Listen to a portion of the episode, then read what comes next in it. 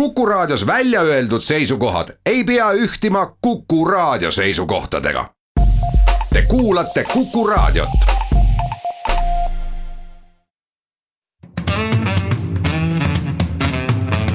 muuli ja Riikoja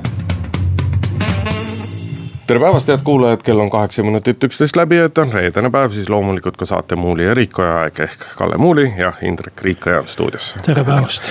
alustame oma tänast saadet praegu käimasoleva umbusaldusavalduse menetlemisega peaminister Jüri Ratasele, Kaja Kallas umbusalduse avaldajate poolt on juba jõudnud riigikogu kõnepuldis sõna võtta Jüri Ratas ka kaitsekõne pidada ja praegu on siis käimas küsimuste-vastuste voor, mis tõenäoliselt vältab päris mitu tundi. teiseks räägime riigipiiri ehitusest, selle rahastamisest, valitsus käis eile seda äh, piiri ka oma ihusilmaga vaatamas ja pidas äh, ühes piirikordonis siis äh, kabinetiistungi, kus siis otsustas, et saab piiri ehitamisega odavamalt hakkama, kui seni plaanitud räägime ka eh, sellest, eh, kuidas Eesti teed korda teha. rahandusminister Martin Helme tuli sellel nädalal välja ideede, ideega, et ruttu saaks eh, põhimaanteed neljarealiseks siis, kui teha PPP-d ehk ennem saadet me arutasime, kuidas see sõna nüüd oligi meil. averus. või, või siis averuse abil mm. ehk siis äh, vormis, kus eraettevõtjad teevad teed oma kuludega korda ja rendivad siis näiteks kolmekümneks aastaks. eks see averus, eks see averus kõla nagu mingi kumerus, kavalus, kõverus, aga, aga nii ta on jah, et neljandaks räägime siis ka kultuuripealinna valikust, kus siis äh, otsustati ka lõplikult ära, et aastal kaks tuhat kakskümmend neli on Euroopa kultuuripealinnaks Tartu. perearstid umbusaldavad terviseameti juhti, saatsid sellekohase avalduse sellel nädalal, sellest räägime ka. muuli ja Riikoja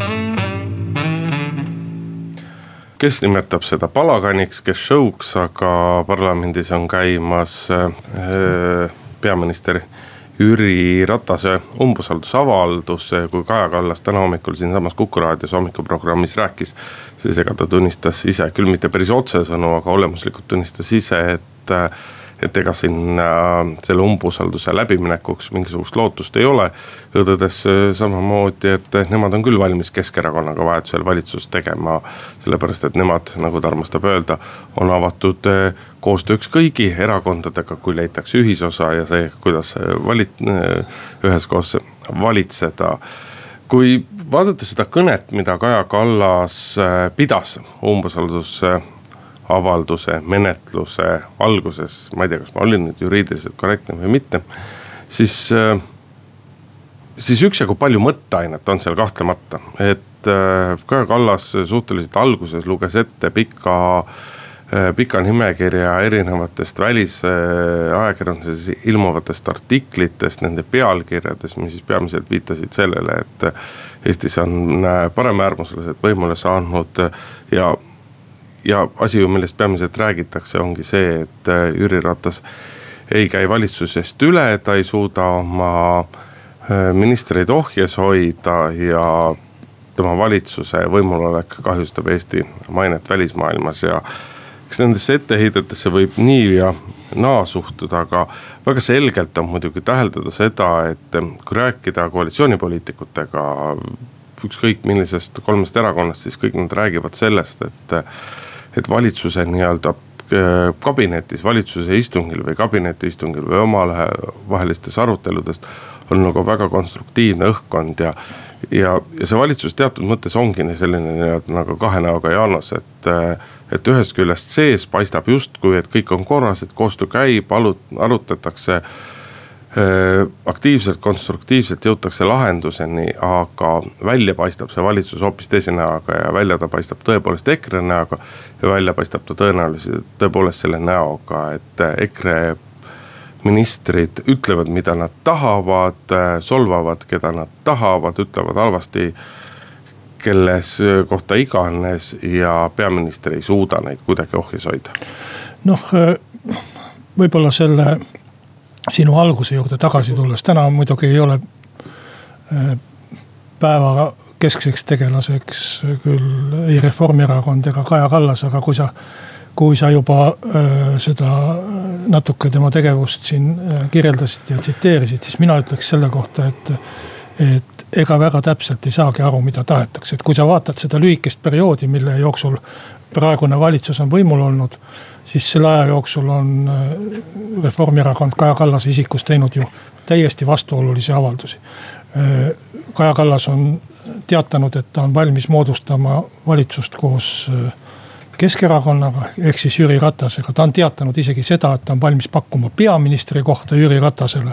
Ehk siis äh, tunnistanud teda nagu peaministri ametisse kõlbulikuks. ja nüüd ta ütleb siis, et, et ikka ei sobi selleks, et äh, noh, kui, kui, kui vaadata kogu seda aega, siis ongi nii, et ei tahaks nagu midagi, aga ei tea, mida täpselt tahaks. no ise sa ju eelmises saates rääkisid, et umbusaldus on puhas nii-öelda poliittehnoloogia. mida keegi südamesse ei võta ja pärast seda minnakse sõbralikult koos kohvi jooma ja kooki sööma. nojah, kas nüüd minnakse, aga võidakse minna. aga äh, et, et noh, selles mõttes äh, eks see kogu see retoorika on olnud heitlik äh, ka opositsiooni poolelt ja, ja ei teagi, mida nagu arvata, mida siis nagu tegelikult mõeldakse. aga kui nüüd äh, võtta see konkreetne juhtum, äh, Elmar Vaheri juhtum ja võtta see etteheide, et, et Jüri Ratas ei käi valitsusest üle. siis äh, ausalt öeldes Ratas äh, lahendas selle probleemi ööpäevaga, aga oma äh, selle, kuidas ta selle lahendab, teatas ta mõne tunni jooksul ja ma küll ei ütleks, et ta üle ei käinud. olukord oli ju selline, et äh, rahandusminister, kes täitis siseministri ülesandeid Äh, tahtis ju kooskõlastatult siseministriga Elmar Vaheri ametist vallandada. Ja Ratas tuli ja ütles, et äh, ei vallanda midagi, Elmar Vaher jääb ametisse, ma usaldan teda. ja nii ka läks, ehk tegelikult ju peaminister sai oma tahtmise ja käis üle küll. ja, ja see tahtmine aktsepteeriti ka tema ministrite poolt äh, järgmise ööpäeva õhtuks, siis kui kuskil suvilas ühispilti tehti. aga, aga et selle, sellega ei ole küsimus, nüüd on, küsimus on selles, et kas äh, need äh, neliteist või ma ei tea, mitu lauset, mida Helme on ütelnud ja mille kohta on Ratas pidanud ütlema hiljem, et äh, see on kohatu, see ei ole sobiv. ta ei ole küll vabandanud, vabandanud ei ole ta juba mai, maikuust saadik, see jutt, et ta peab pidevalt vabandama, on täiesti vale, aga tõesti, ta on ütelnud vist neliteist korda kogu selle aja jooksul, et need väljaütlemised ei ole sobivad ja kohalised. noh, kas peaminister on klassijuhataja kas ta on äh, raskesti kasvatatava koloonia direktor, kas ta on äh, valitsuse direktor. et äh, selge see, et peaminister peab seisukohad sellisel kohal, sellisel juhul võtma, kui tema valitsuse liikmed ütlevad midagi sobimatut aga meil on tegemist koalitsioonivalitsustega ja peaministri roll, kui sa vaatad valitsuse seadust. ei ole selles, et ta nagu saab tsenseerida või, või ette ütelda, mida tema valitsuse liikmed peavad ütlema, et ministrid on siiski päris tähtsad tegelased ja, ja ma arvan, et äh, Eestis pole ühtegi võimu, ei peaministrit ega presidenti ega ka opositsiooni juhti, kes saaks ütelda, mida üks minister tohib ütelda ja mida mitte. teine asi on see, et teatud ütlemiste puhul peaks ametist lahkuma. Luba ma seletan, Kalle, ma saan aru, et sinu koduerakond on üks koalitsiooni liige ja et sa ise oled ühe nii-öelda ministri nõunik. aga ma juhin tähelepanu, et ei minu koduerakonna liikmele ei avaldata umbusaldust ja ka umbusalduse avaldajaks ei, ei ole. absoluutselt mitte, aga ilmselgelt, kuna sa oled nii-öelda selle valitsuskoalitsiooni sisuline liige, siis sa natuke tunned ennast ka sellest umbusaldusavaldusest puudutatuna. ja ma natuke seletan sulle siis, et peaminister on meeskonna juht ja peaminister on see, kes peaks panema paika selle nii-öelda meeskonna suunad, strateegiad, eesmärgid, töömeetodid, töökultuuri ja kõik muu selle juurde käiva ja see on küll tõsi, et äh, sellega Jüri Ratas ei ole hakkama saanud, et äh, me võime nii-öelda iga asja üksikult välja tuua, on see siis Elmar Vaher, on see mis iganes, eks ole, väljaütlemine. küsimus on selline, küsimus on selles, et peaminister, loomulikult igal korral peaminister on tõmmanud äh, EKRE erinevad ministrid või EKRE esimehe nii-öelda vaibale. Nende kõrvad lonti lasknud ja nii-öelda seal kabinetis sees on nad olnud madalamad kui murust, et ega nad saavad ise aru ka. et peaministri kriitika on täiesti õigustatud, õigustatud, probleem on see, et sellised asjad juhtuvad jälle, jälle, jälle, jälle et, et kui see ükskord juhtub ära et pärast kõike seda, mida on juhtunud, oleks äh, nii-öelda loogiline see, et kui EKRE kahel ministril oli soov Elmar Vaher ametist vabastada, siis nad oleksid kõigepealt läinud peaministri juurde. Nad oleksid seal kuulnud, et see ei ole mingil juhul aktsepteeritav ja nad ei oleks seda üritama läinud. aga nemad lihtsalt sõitsid peaministrist üle ja see on noh, see on nagu kõige eredam, kõige värskem, kõige suurem näide sellest. et äh, EKRE ministrid ei taha tunnistada, et äh, valitsuse juht on Jüri Ratas ja valitsuse juhterakond on Keskerakond ja seal on nagu see probleem kas me saame nüüd seda nagu pretsedendituks pidada? no see on muidugi omaette küsimus, et äh, tuletame nüüd meelde võib vast öelda, et Eesti viimase viieteist või kahekümne aasta nii-öelda nagu kõige karmikäelisem või sirgeselg, sirgeselgsem oli Andrus Ansip, kes tõepoolest nii-öelda kõige, kõige paremini kogu valitsus, valitsuskoalitsiooni oma peos hoidis, aga kui me noh, kasvõi nagu Taavi Rõivast meenutame siis ka Taavi Rõivas oli ju samasugune tuulelipp oma koalitsioonipartnerite käes, et. et sisu poolest oli ta siiski märksa nõrgem peaminister no, kui, kui Jüri Ratas. võiks su võrdluse kohta ütelda seda, et peaminister Andrus Ansip oli ise see, kes äh, kasutas selliseid väljendeid nagu EKRE kasutab. tema. ei, absoluutselt, väljend... kui sa võtad kui, kui, kui inimesed... Jürgen Ligi väljaütlemisi meenutame ja nii edasi. kui sa meenutad, et kui inimesed tulid Andrus Ansipi vastu meelt avaldama siis ta teatas, et need inimesed on mingeid seemneid söönud või olid, olid need seened, ma täpselt ei mäleta. seemned, seemned. Äh, siis ta ütles, et kui inimestel on selliseid probleeme rahva kohta siis kandku fooliummütsi ja, ja nii edasi, nii edasi, et. no nüüd sa jälle muidugi natukene utreerid, eks ole. mis ma, tsiteerin päris täpselt, mitte ei utreeri. ei, sa ei tsiteeri sugugi. see oli täpselt. riigikogu kõnepuldist öeldud äh, peaministri suust ja, ja, ja nüüd meil on peaminister, kes ütleb äh, selliste väljendite kohta, et need on kohatud ja sobimatud. Äh, ja kui sa ütled, et, et ei käi üle, siis pane tähele, Helmed vabandasid And, äh, äh, Jüri Ratase ees äh, no tead, see, tuleta meelde, kuidas Andrus Ansip oota. omal ajal vabandas, et ma vabandan ja kõik ütlesid, et see ei ole mingi vabandus, et täpselt samamoodi oli, oli Martin Helme oot, vabandus. oota, Indrek, ma toon sulle ka sellise näite, meil oli üks minister, kes oli üks päev ametis. kas sa arvad, et ta lahkus tõesti ilma peaministri surveta? ei, loomulikult ma ei arva seda, aga meil tuleb kohe reklaamipaus peale. ma tahtsin lõpetuseks lihtsalt öelda, et et selge see, et Jüri Ratasel tagasiastumiseks ei ole praegu rohkem põhjust kui ükskõik millisel peaministril ennem. aga tõ-, aga tõsi on ka see, et kõiki neid opositsiooni etteheiteid.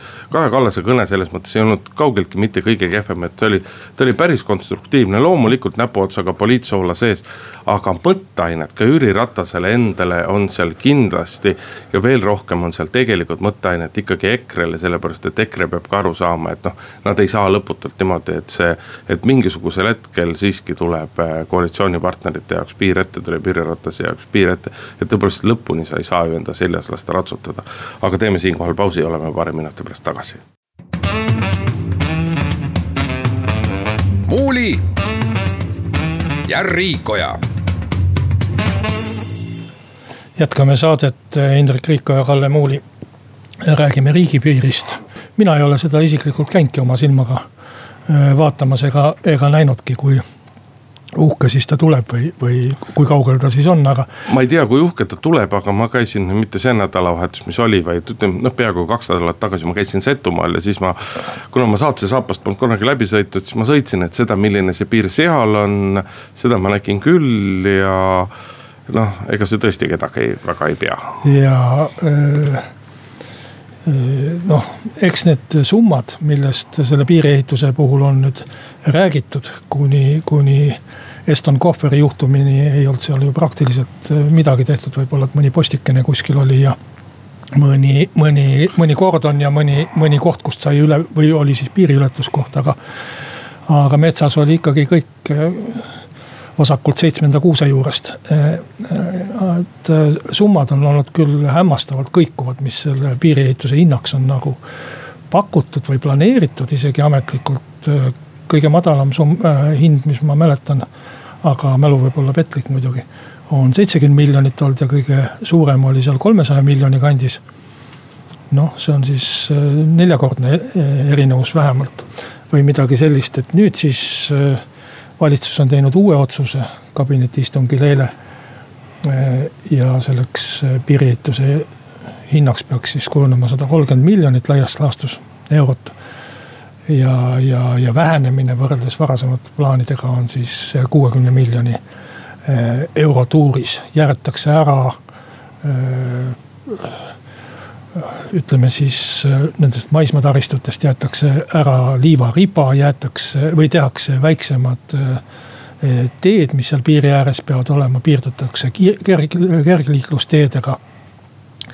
Ja jäetakse ära loomatõkkeaed, muid selliseid asju. ja ka nii palju, kui ma aru saan, siis mingisuguse imetehnika muretsemine lükatakse Eh, selle piiriehituse lõppaega, et siis, siis kogu piir saaks nagu ühtse tehnika ja selle võrra saaks siis ka rahastamist edasi lükata. aga mis on nagu oluline samal ajal ja võib-olla ta on uudistes isegi jäänud natukene nagu varju. Selle üldise vähenemise taustal on see, et tegelikult raha piiri ehituseks eraldati või kavatsetakse järgmisel aastal eraldada eelarvega rohkem, et kaksteist miljonit eurot äh, siis suurendab rahandusministeerium seda reservi, mis on ette nähtud piiri äh, ehituseks. no ega me nende piiri erinevate hindade üle võime nagu lõputult, äh, lõputult jaurata ja irooniliselt viidata, et näed, et taheti kolmesajaga, aga nüüd saab saja kolmekümnega ka tehtud. selge on see, et need piirid on muidugi ka täiesti erinevad piirid nii oma füüsiliselt nähtaval nähtavuse, füüsiliselt nähtavate asjade poolest, kui ka tegelikult nende asjade poolest, mida me sinna taha ei näe. aga eks ta kokku tuleb võtta, et, et, et, et see on mõistlik nagu valik, et me ei pinguta üle, me teeme vastavalt oma võimetele ja. politsei- ja piirivalveamet on kinnitatud, kinnitanud, et piir saab korralikult kaitstud ka sellise, sellise piiri puhul, et. et noh, keeruline on midagi öelda, et ma arvan, et siin on kohatu nii ülevoolav ülevoolavad kiidusõnad kui ka tohutu kriitika, et me noh me ei ole, me ei ole maailma kõige rikkam riik, meie asjad ei saa olla sellised nagu maailma kõige rikkamas riigis, me peame nii-öelda oma võimetele otsa vaatama.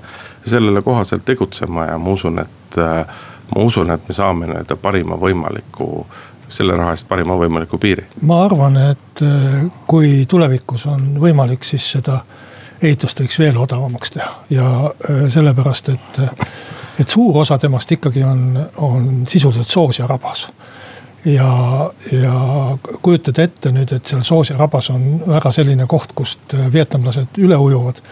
on, on ka minu meelest äh, selline noh, äh, muidugi ma saan aru tavainimene kujutab ette, et piir on mingi sõjaline rajatis, kust me kuulipildujatega tulistame Vene vägesid, kui need hakkavad Eestisse tungima. tegelikult ta on ikkagi mõeldud eeskätt salaja piiri ületava, ma ei tea, migrandi ebaseadusliku sisserändaja tõkestamiseks. salakaubaveo. ja, ja, ja teine asi on siis äh, väike hulk kurjategijaid, salakaubavedajaid, kes võib-olla kuskilt üle tulevad, et kui see ületulemise koht on nii ebamugavas kohas, nagu on Sooja raba kilomeetrite kaugusel ja kilomeetrite kaupa. siis ma ei usu, et seal saab ka olla mingisugust kohutavalt äh, suuremahulist salakaubavedu, kus rekkadega üle piiri kuskilt sõidetakse. tead, ära pane Kalle pahaks, aga ma arvan, et sa ei tea sellest piirist mitte midagi ja mina ka ei tea. ma olen, ma olen luge, lugenud paberi pealt tohutult plaane, ma olen lugenud ka selle kabineti istungi materjalid läbi, vaadanud pilte ja, ja vaadanud seda maastikukirjeldust äh, nendest, äh, nendest plaanidest. et noh, see tundub mõnes kohas ikkagi selline absurdne, kuhu ei lähe teid juurde ega, ega midagi. et ma arvan, et me siinkohal võiksime, võiksime usaldada Politsei- ja Piirivalveametit ja kui nemad ütlevad, et see on fine ja valitsus on ka leidnud, et see on fine, et seda raha tasub kulutada, siis nii ongi. aga kuulame ära pooltunni uudised ja läheme siis oma saatega edasi. muuli ja Riikoja. tere tulemast tagasi, head kuulajad, stuudios jätkuvalt Kalle Muuli ja Indrek Riiko ja pikalt on räägitud ja tegelikult äh, kevadiste valimiste pea kõikide erakondade valimisprogrammides olid sees lubadused ehitada vähemasti kaks pluss üks äh, teede või kaks pluss üks teedeks meie põhimaanteed ehk siis äh, Tallinnast äh, Pärnu, Tartu, Narva suunas, kui niimoodi hakata Pärnu poolt äh, tulema ja vaatama. osades platvormides räägite ka neljarealistest teedest, täna on samas selge see, et ega riigil ilmselgelt nii-öelda seda seda rahalisi vahendeid ei ole, et seda rutuliselt teha. Martin Helme, rahandusminister, käis sellel nädalal välja ettepaneku ja andis rahandusministeeriumi ametnikele korralduse nii-öelda asjad selgeks teha, et kui ehitaks need teed nii-öelda PPP vormis ehk siis koostöös, era- ja avaliku sektori koostöös. mõte siis selles, et tulevad ettevõtjad, ehitavad, tulevad ettevõtjad, võtavad laenu, ehitavad teed välja, valmis ja siis rendivad välja. noh, kriitikat on see ettepanek juba üksjagu pälvinud ja ega suurem osa sellest kriitikast on täiesti mõistetav. Põhiline küsimus on selles, et äh, kui palju riik äh, niimoodi maksab, et selge see, et eraettevõtjad, kui nad need teed rendile annavad, noh, on see siis kahekümneks aastaks, kolmekümneks aastaks. Nad tahavad sealt pealt äh, korralikku kasumit teenida. ehk see tähendab, et need teed lähevad, noh, kui me mõtleme, et üks sihuke kümme protsenti marginaali oleks oleks sarnaseid asju arvestades nagu selline tagasihoidlik arvestus, siis see tähendaks ikkagi nii-öelda kolmekümne aasta lõikes nagu mitukümmend või mitu korda kallimat tee-ehitust, kui riigil oma raha eest teha. asja teine pool, mis nagu suurem probleem ja küsimus on ju tegelikult see, et kui nüüd võetaks hoogtöö käigus ette, et kaks või kolm suuremat maanteed tehtaks, ma ei tea, kolme-nelja-viie aastaga ehitataks neljarealiseks. et eh, kuidas see Eesti ehitusturgu mõjutab kuidas see mõjutab siinset nii-öelda ehitusmaterjalide turgu. ehk äh, tekib nii-öelda nagu väga kõva, väga suur kunstlik buum, mis omakorda muudab ehitamise kallimaks, materjalid kallimaks. ehk majanduslikult see kindlasti mõistlik selline ettepanek ei ole. ma nagu tõmbaks ühest küljest äh, nii eufooriat tagasi kui ka paanikat tagasi et on. kus sa seda paanikat no, näinud oled? on ju neid, kes äh, on ütelnud, et äh, oi, nii kindlasti ei tohi teha, nii, nii, nii, nii on väga. täiesti tavaline konstruktiivne kriitika, see on muuseas loomulik aruteludel, Kalle. et äh, tegemist on ju lihtsalt ühe rahastamisviisiga, mis ei ole ei Martin Helme leiutatud ega ka tema poolt Eestisse esimest korda toodav, et. Äh, ma korra segan vahele, iseenesest selle nii-öelda rahastusmudeli mõte või miks seda tahetakse kasutada või kasutatakse, on see, et kui riik tahaks ise kõik äh, korraga valmis ehitada, siis tuleks võtta laenu ja tekiksid probleemid sellega, kui palju riik tohib laenu võtta, kui suur meie riigi võlakoorem tohib olla ja nii edasi. kui minnakse sellist lahendust pidi, siis riigile ei teki nii-öelda laenukohustusi, jah, tekivad nii-öelda püsivad äh, maksekohustused, aga need ei lähe eelarves, arve arvestuses niimoodi arvesse. Äh, jah, ma tahtsin ütelda, et Eestis on ju seda enne tehtud ja on küll kohalike omavalitsuste tasandil ja, ja on ju mingi kogemus olemas ja on plaanitud ka muide riigi, riigi teede ehituses teha juba varasematel aastatel ja varasemate valitsuste ajal ja varasemate ministrite ajal, aga äh, alati on juhtunud nii, et enne on valitsus vahetunud, kui on jõutud plaanide teostamiseni. et ma vaataks seda kui lihtsalt ühte äh, rahastamisviisi kõikide teiste rahastamisviiside kõrval või, või järel. Ja, ja ma, ma ütleks võib-olla selle iseloomustuseks niiviisi, et ega ta nüüd väga hea ei ole. et seal on päris palju puudusi et seal peab ikka häda väga suur olema, kui seda teha.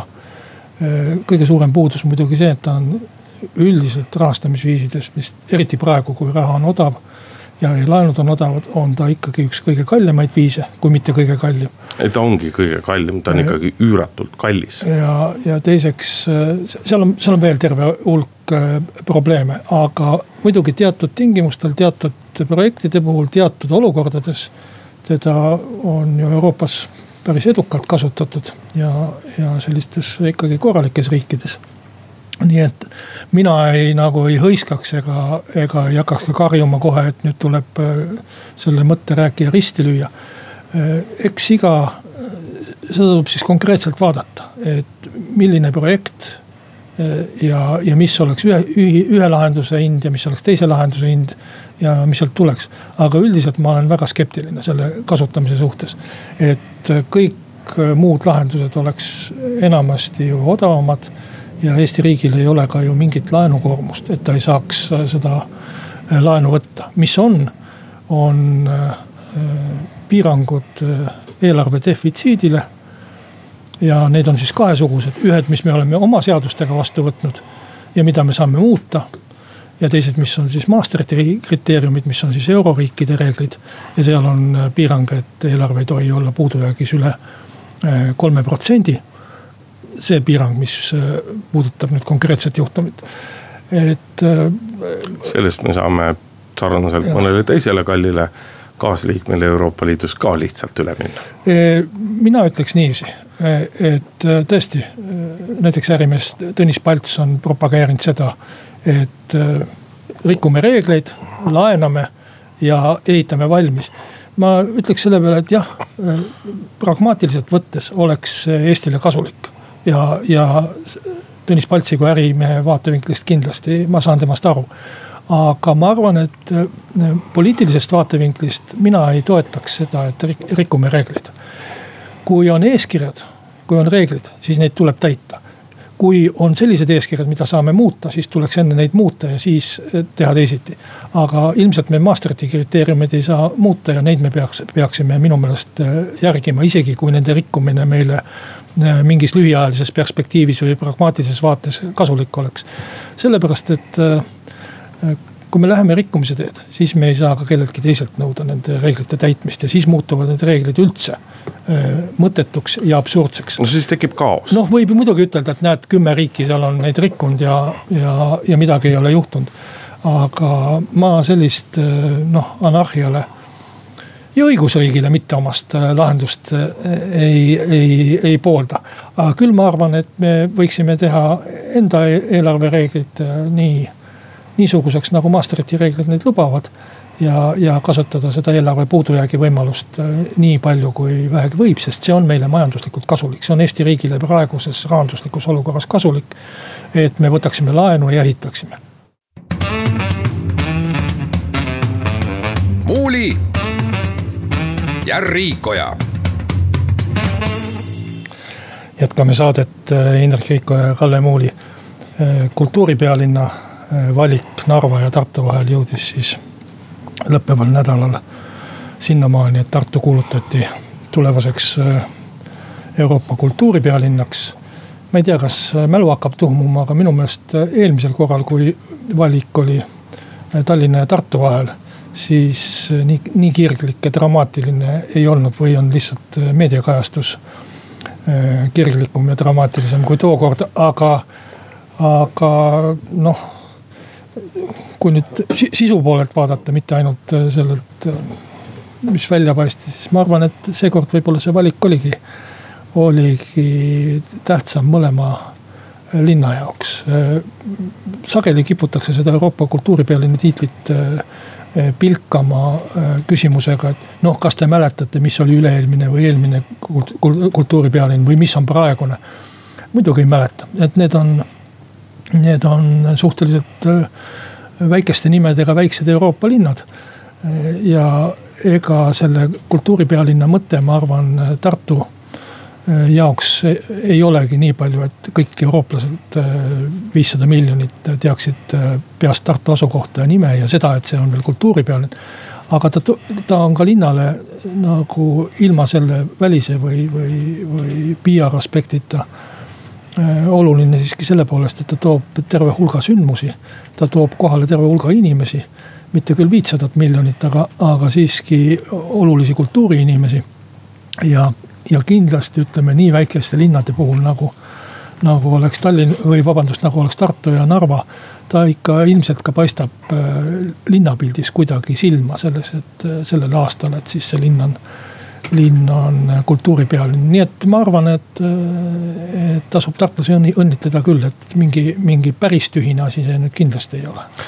tartlasi kindlasti tasub tasub õnnitleda, vaata, ega selle kirglikkusega oli see, et ega tegelikult ju nii-öelda Tartu ja Narva vahel ei olnud väga kirglikku võitlust, et kirglik võitlus oli Narva sees sest et alguses otsustati ju, et kultuuripealinnaks kandideeritakse ühtedes rahasummade ja üht, ühe meeskonnaga. ja siis tekkisid seal osalt nii-öelda poliitiliste tõmbetuulte tõttu, aga osalt ka nii-öelda eelmise seltskonna juhtivtegelejate, tegijate sellise. Noh, ütleme võib-olla mitte kõige laitmatu tausta pärast ka probleemid ja seal oli tegelikult see kirglikkus ja, ja võitlus, et et ühest küljest on jah lihtne öelda, et, et ega seal ju Eesti seisukohast nii-öelda väljapoole vaadates suurt vahet ei ole, kes, kumb oleks saanud, kas Eesti või Narva. vabandust, kas Tartu või Narva. aga siseriiklikult oleks muidugi parem olnud see, kui oleks saanud selle tiitli Narva, sellepärast et meeldib see meile või mitte, aga Narva on tänu sellele, et kuna seal eestlaste osakaal on nii väike, siis lõviosa eestlastest ei tea Narvast mitte midagi. ja väga suure osa inimeste jaoks nii Narvas sees kui väljaspool Narva.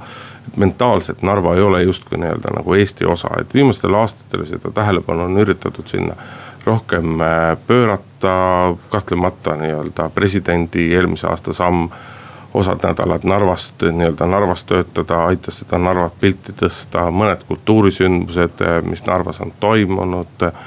aga noh Narva vajab hädasti heas mõttes Eestiga integreerimist ja, ja selles osas oleks nii rahalises mõttes kui tähelepanu mõttes oleks see kultuuripealinna tiitel olnud muidugi hea. aga otsust ei tehtud siseriiklikul tasandil, vaid tehti nii-öelda rahvusvahelise žüree poolt ja nemad kindlasti ei vaata seda, vaata seda asja nii, aga see, et seal Tartu endale sai see on kahtlemata nii-öelda väga tubli, ta on kahtlemata selles mõttes ka loogiline, et Tartu on palju suurem linn ja Tartu on hoopis teistmoodi, hoopis paremini ka valitsetud linn.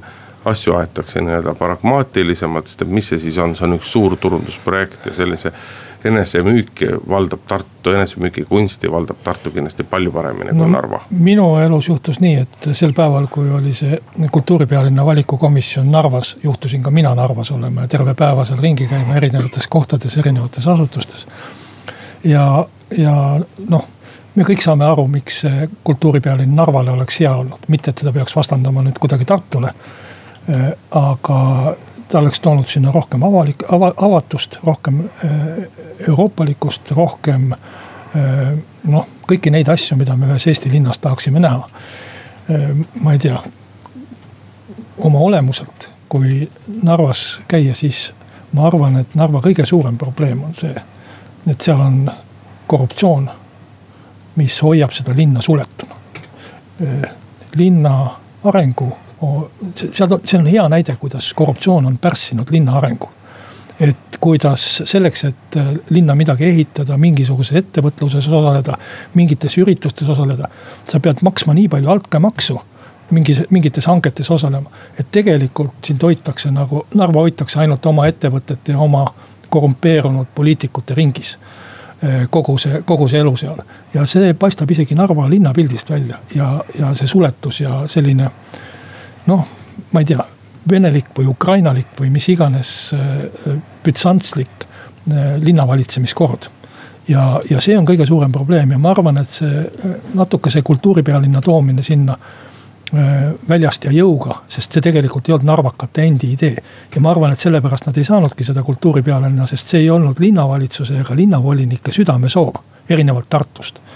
et see oligi väljast tulnud idee teiste inimeste poolt ja noh, narvalased mõnel määral teda toetasid, aga kaklesid selle ümber ja, ja vaatasid, et kes saaks jälle kuskilt midagi tasku pista et see on kõige suurem probleem, korruptsioon. see, et äh, korruptsioon muudab linna, linna arengu olematuks ja linna suletuks. Ja, ja ma ei tea, kuidas seda lõhkuda, seda saavad ainult linnaelanikud ise, valijad saavad seda lõhkuda. või siis kaitsepolitsei, aga kaitsepolitsei saab lihtsalt ühe korruptandi vangi panna ja teine tuleb asemele. no vaata, Narva muidugi selles mõttes on natuke teise, et see ei ole siiski mitte ainult see korruptsioon ja linnavõimu käitumine, aga seal on ka see keeleprobleem ja keelebarjäär, mis ta nagu paljudest teiste, muust Eestist nii-öelda lahus hoiab, et seal on neid asju erinevaid. muuli ja Riikoja perearstid teatasid sellel nädalal läbi oma esindusühingu, et nemad umbusaldavad terviseameti peadirektorit Merike Jürilot, sellepärast et koostöö, head koostööõhustikku ei ole, perearstid on rääkinud probleemidest, keegi lahendanud neid probleeme ei ole. tehakse ainult totraid ettekirjutusi, totraid reegleid kehtestatakse, mis kõik perearstide tööd äh, pärsivad. Kõige põhjalikumalt, kõige konkreetsemalt räägiti sellest probleemist, mis puudutab äh, perearstide vähesust, seda, et paljudes piirkondades perearste ei ole ja tänu sellele on paljude perearstide nimistud väga põhjalikult ülekoormatud, seal on liiga palju inimesi, perearstid ei jaksa kõigi nende inimestega tööd teha. et ega siin nagu õigust mõista on väga keeruline, et öelda, et kellel on õigus ja kellel ei ole õigus, et selgelt on tegemist suhtlemisprobleemidega, aga osa sellest kriitikast samas kindlasti nii-öelda läheb tegelikult sotsiaalministeeriumi ja läheb ka kohalike omavalitsuste eh, õlule, sest et kui sellest samast perearstide põua probleemist räägitakse, siis minu arust häbiväärselt vähe räägitakse sellest, et tegelikult on ka igal kohalikul omavalitsusel on võimalus väga palju ära teha selle jaoks. et perearsti enda juurde meelitada, et õpetajatega ju tehakse seda, et õpetajatele makstakse lisatoetusi omavalitsuse poolt, lisapalka siin-seal antakse elamispinda ja nii edasi, nii edasi, nii edasi.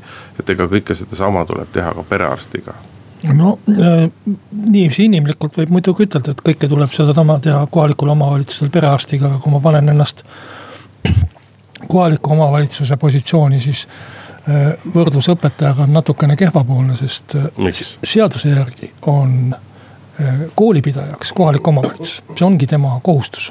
ja seadus on pannud talle sellise kohustuse, pidada kooli. tõesti, õpetajale palgaraha maksab äh, vastavalt riigis kehtivatele seadustele äh, keskvalitsus ehk haridusministeerium. aga, aga hariduse andmine äh, valdavalt äh, on, ongi kohaliku omavalitsuse ülesanne. samal ajal tervishoiuteenuse osutamine noh, isegi hakkan juba kasutama sõna teenus, küll on kole. aga inimese tervise eest hoolitsemine ja arstiabi on siis äh, ju ikkagi riiklik ülesanne, et me ei saa nagu ütelda, et äh, kohalikud omavalitsused peaksid hakka, hakkama tegelema nende funktsioonidega, mis on tegelikult terviseameti või sotsiaalministeeriumi või, või kellegi muu äh, õlule pandud. ja aga see ei takista kohalikul omavalitsusel panema välja nii-öelda täiendavaid motivaatoreid. sest lõppude lõpuks ka kohalik omavalitsus tegutseb oma elanike huvides ja nende elanike huvides on see, et neil oleks perearst kohapeal olemas, et ja, nad ei peaks käima kümnete kilomeetrite kaugusel. ütlen siis natukene peenemalt ja keerulisemalt, et kohalikele omavalitsustele ei ole eh, eelarvesse eraldatud selleks raha. et, et koolipidamiseks on raha eraldatud, aga eh, perearstipunkti üle, ülalpidamiseks ei ole ju tegelikult kohalikul omavalitsusel. koolipidamiseks on raha eraldatud, aga ei eraldata raha täiendavate lisapalkade ja lisahüvede jaoks, mida nii-öelda omavalitsus oma vahenditest paneb, et ega samamoodi noh, tuleb ka, tuleb ka teatud tingimustel perearstidega. aga, aga, aga ma, see ei ole loomulikult nii-öelda ainus probleem. ma arvan, et me ei jõua sellega kuhugi, kui hakkame rääkima, et kohalikud omavalitsused peaksid nüüd muretsema tervishoiu eest. et tervishoiu eest peab ikkagi sotsiaalministeerium ja terviseamet muretsema ja selles mõttes noh, eks õigus on ka kõikidel ka nendel, kes ütlevad, et seal on suhtlemisprobleemid terviseameti ja perearstide vahel. aga kui sa vaatad ikkagi perearstide olukorda objektiivselt, siis äh, see, see olukord on ka objektiivselt sant. ja ma arvan, et seda ei muuda ainuüksi see, kui sotsiaalminister otsustaks äh, terviseameti juhti vahetada või seal teine juht oleks, et see on äh, noh ma ei tahaks nüüd jälle ainult raha taha pugeda, et, et rahastamise probleem või mis iganes. et palju on ikkagi ka objektiivselt seda, et inimesed lihtsalt ei taha või arstid lihtsalt ei taha äh, maapiirkondadesse tööle minna, kus on kas äh,. sest et kes tahaks. kes, kes tahaks, sealt tahetakse ära tulla valdavalt e,. ja, ja ei ole ka raha, millega sinna tööle minekut äh, motiveerida linnades jälle paljudes kohtades on need perearsti koormused väga suured. Äh, inimesi on liiga palju ühes nimistus. Äh, neid äh, laiali jagada on jälle, jälle muud probleemid. et ma arvan, et see vajaks nagu kapitaalsemat lahendust, see ei ole ainult terviseameti küsimus. kellele perearstid või kelle juhile perearstid umbusaldust avavad. et see on ikkagi, peaks olema mingi suurem reform või suurem vaade, mis tuleb sotsiaalministeeriumist ma ei heida sotsiaalministrile midagi ette, et selle kolme kuuga, mis ta ametis on olnud või nelja, nelja kuuga ei olegi midagi rohkemat võimalik saavutada. aga kolme aastaga võiks küll midagi saavutada. aga siinkohal peame tänase saate otsad kokku tõmbama, Kalle Muuli, Hindrek Riik olid stuudios nädala aja pärast, kuuleme jälle. muuli ja Riikoja